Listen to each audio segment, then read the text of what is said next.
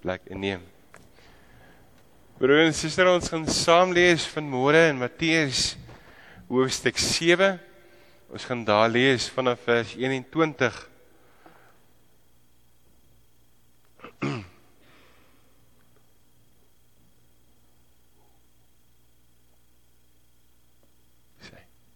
Voordat ons saam lees, kom ons bid saam. Here, as ons U naam kom groot maak en U kom lof bring, Here, is dit in dankbaarheid vir U wat teenwoordig is in ons lewe. Here, so kom ons ook in hierdie oomblik en hierdie oggend hier waar ons saam is. En ons kom vra U, Here, breek U woord vir ons oop. Ons kom vra dit Here, ons kom bid dit in U naam. Amen. Wat ek gesê het, ons lees in Matteus hoofstuk 7 vanaf vers 21. En nie elkeen wat vir my sê, Here, Here, sal in die koninkryk van die hemel ingaan nie, maar net hy wat die wil doen van my Vader wat in die hemel is. Baie sal daardie dag vir my sê, Here, Here, het ons dit nie in U naam gepreek nie? Deur U naam duiwels uitgedryf en deur U naam baie wonders gedoen nie. Dan sal ek openlik vir hulle sê, ek het julle nooit geken nie. Gaan weg van my af, julle wat die wet van God oortree. Elkeen dan wat hierdie woorde van my hoor en daarvolgens handel kan vergelyk word met 'n verstandige man wat sy huis op 'n rots gebou het. Die stortreën het geval, vloedwaters het afgekom, winde het teen daardie huis gewaai en daarin geruk en tog het dit nie ingestort nie, want die fondament was op rots. En elkeen wat hierdie woorde van my hoor en nie daarvolgens handel nie, kan vergelyk word met 'n dwaas wat sy huis op die sand gebou het. Die stortreën het geval, vloedwaters het afgekom, winde het teen daardie huis gewaai en daarin geruk en die huis het ingestort en is heeltemal verwoes. Toe Jesus klaar gepraat het, was die skare verbaas oor sy onderrig, want hy het hulle geleer soos 'n man met gesag en nie soos hulle skrifgeleerdes nie. Tot sover ons skriflesing vanmôre. As ons hierdie gedeelte lees, wil ek die verhaaltjie begin te vertel van hierdie persoon wat 'n huis soek. En hy kom by 'n agent en hy, hy vra vir die agent, "Wat is die drie belangrikste goed waarna ek moet kyk as ek eiendom wil besit?"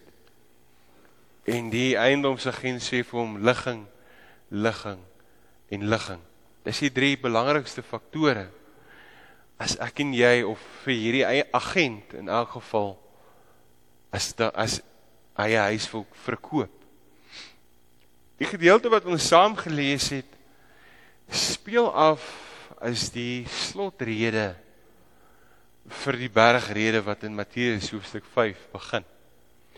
Jesus wat met sy disippels opgaan, die disippels wat by hom sit en dan ook die skare mense wat rondom hom sit en hy begin hulle te vertel, te leer en hy begin vir hulle te preek oor die kernwaardes van hulle geloof. Hierdie gedeelte wat ons saam gelees het is op 'n manier beet gekry deur 'n digter ehm um, F.A. Fagan en hy het hom kom omskryf in 'n gedig wat Lorika Raug op 'n stadium gesing het as jy nou so rukkie kan terugdink saam met my Ek het 'n huisie by die see. Dis nag. En in hierdie woorde hoor ons hierdie gedeelte weer galm.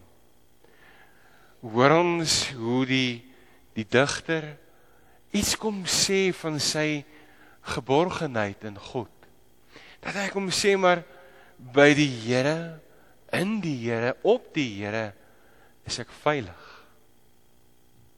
Daar tussen alles wat gebeur is God teenwoordig en hy los my nooit. Ons hoor in hierdie gedeelte wat ons saam gelees het. Die verhaaltjie wat ek in die begin vertel het, ook vir ons geestelike lewe. Die drie woorde: ligging, ligging en ligging. Soos ek gesê het, hierdie gedeelte speel af as 'n slotrede vir die bergrede waar Jesus kom sê, maar dit is hoe ek verwag julle moet leef. In die bergrede kom wys vir Jesus vir sy volgelinge, maar dat hy mense op 'n nuwe manier kom roep.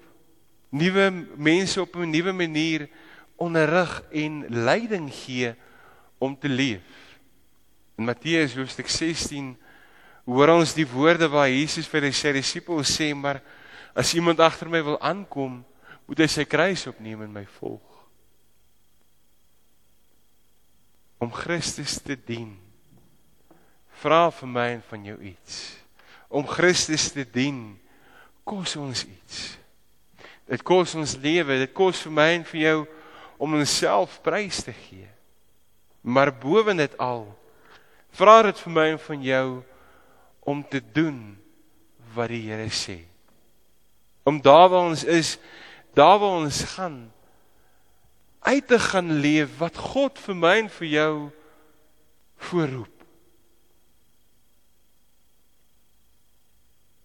Nou as ons kyk na hierdie gelykenis is dit eintlik 'n gelykenis wat so in die verbyloop vertel word dat dit nou eintlik baie maklik as iets gesien kan word wat nie belangrik is nie. Maar hierdie beleid, hierdie gedeelte begin eintlik baie aangrypend waar ons lees elkeen wat dit wat hierdie woorde van my hoor en daarvolgens handel kan vergelyk word met. En dan net so 'n stukkie verder die teenoorgestelde. Hierdie gelykenis kom sê vir my en vir jou kom roep ons op om 'n lewe te leef wat God vergestel, wat die Here eer, wat dit wat ek en jy doen voor ons oproep en toe kom sê maar waar is ek en jy in ons geestelike lewe? Waarop bou ons ons huis? Hierdie gedeelte wat ons saam gelees het, kan op twee maniere gesien word. Aan die een kant is dit die belofte dat God my en jou nooit los nie. Dat die Here vir my en vir jou as ek en jy op hom bou, as hy ons rots is, kan die storms kom, die wind kan kom, die reën kan kom, alles kan gebeur. Ek en jy is geborge in God. Maar terselfdertyd is hierdie een hierdie gedeelte ook 'n oproep vir my en vir jou om te kom sê, maar waar staan ons in ons verhouding met die Here? Staan ek in my verhouding met die Here op 'n rots? Op 'n plek waar ek kan sê, maar Here, ek doen wat U van my vra. Ek probeer. Ek luister na U woord. Ek leef daar. Ek verkondig dit. Ek vertel dit vir my kinders. U is die fokus. U is die een wat my lei. Of die teenoorgestelde Ek bou my huis op sagte grond. Dis soos wat ons hierdie gedeelte lees, hoor ons die vloedwaters wat kom, die stormwind wat waai en hierdie huis wat die woord wat gebruik word is eintlik baie baie kras Hierdie huis is verwoes. Pas niks oor nie. En geloof is ons daarna hoe as ons luister, as ons doen is juis om te sê maar ek leef dit wat God van my vra. Om in 'n verhouding met die Here te staan om te glo beteken dat ek die Here ken. Beteken dat ek die Here kan vertrou beteken dat ek in 'n verhouding staan met hierdie God wat by my teenwoordig is en kan weet maar Here u stuur my, u gebruik my. Maar as ek en jy na hierdie gedeelte luister, is daar die waarskuwing om nie ons geloof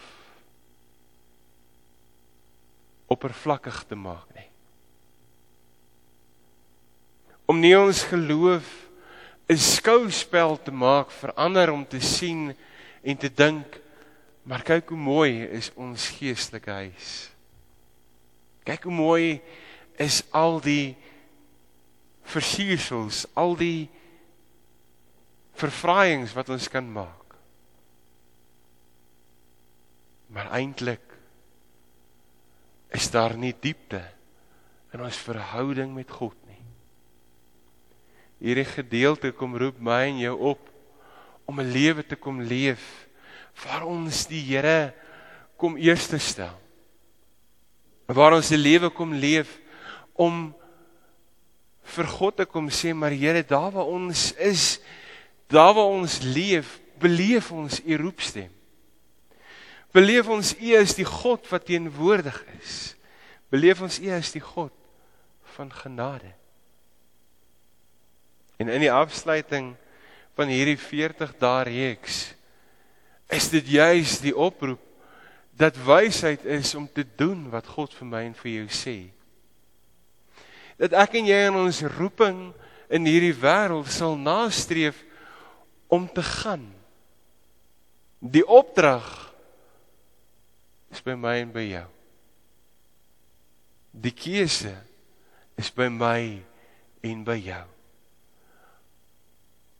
Ek weet nie wanneer laas het u as u nou uitstap by die kerk kyk na die bordjie wat daar gestaan het u betree nou die sendingveld. Ek en jy word geroep, gestuur in hierdie wêreld. Na ons families, na ons vriende, na ons kollegas, na ons werknemers, na ons werkgewers toe om te gaan vertel, te gaan leef die roeping wat God vir ons gee. En as ons dink aan die doop, hoekom ons ook vanmôre hier is, 'n geleentheid om te sê maar God gebruik ons. God het hierdie familie, hierdie gesin bymekaar gesit en hy saam met hulle op pad. En as ons gaan lees die woorde wat ons vir mekaar sê, al verstaan die baba, al verstaan klein ding dit nog nie nou nie, kan hy verseker weet van die getrouheid, die genade van God. En is dit my en jou So lees ons ook verder plig verantwoordelikheid om ons kinders te leer van die roeping waarvoor God hulle stuur. Vir dae waar God hulle wil gebruik. Ons hoor ook so in die bevestiging van 'n kerkraadslid die woorde van God wat mense gebruik, van God wat mense in hierdie gemeente gebruik van God wat mense nader trek en kom sê maar besef vir 'n oomblik hy is in beheer. Dit is sy kerk. Dit is sy gemeente. In hierdie gedeelte kan ons baie keer korttermyn leef.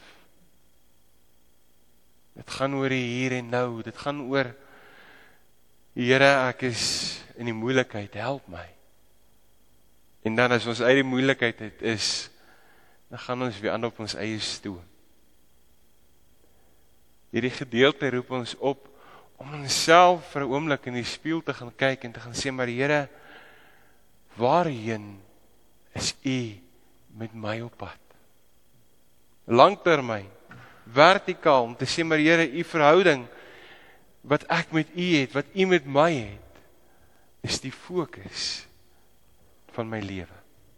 En daarom kan ons dit uitleef, daarom wil ons u grootheid uitdra. Mag ek en jy broer en suster waar ons begin het by Sondag 1 met die woorde van wysheid begin met die dien van die Here ook hoor. Wysheid, verstandigheid is om te doen wat die Here vir my en vir jou sê. Om te antwoord Here hier is ek. Stuur my. So wat ons sit kom ons sluit die oë dan bid ons saam. Here dankie Here dat ons hier kan wees En in hierdie oomblik, Here, voor U ons God en ons Here kom stil word. Dankie Here dat ons 'n roeping kan hê in hierdie wêreld. Dat U ons wil gebruik, dat U ons stuur. So kom bid ons ook Here daar waar U ons stuur. Dat ons sal antwoord. Daai Here soos Jesaja ook sal sê Here hier is ek. Stuur my. Mag ons verhouding Here gebou wees op U as die God wat by wie ons veilig is. As die Here wat ons nooit in die steek laat nie. Maak nie saak wat gebeur nie. Maak nie saak hoe hierdie wêreld met sy storms kom nie. Ons weet Here, U hou ons vas. Ons kom bid dit en ons kom vra dit in U naam. Amen.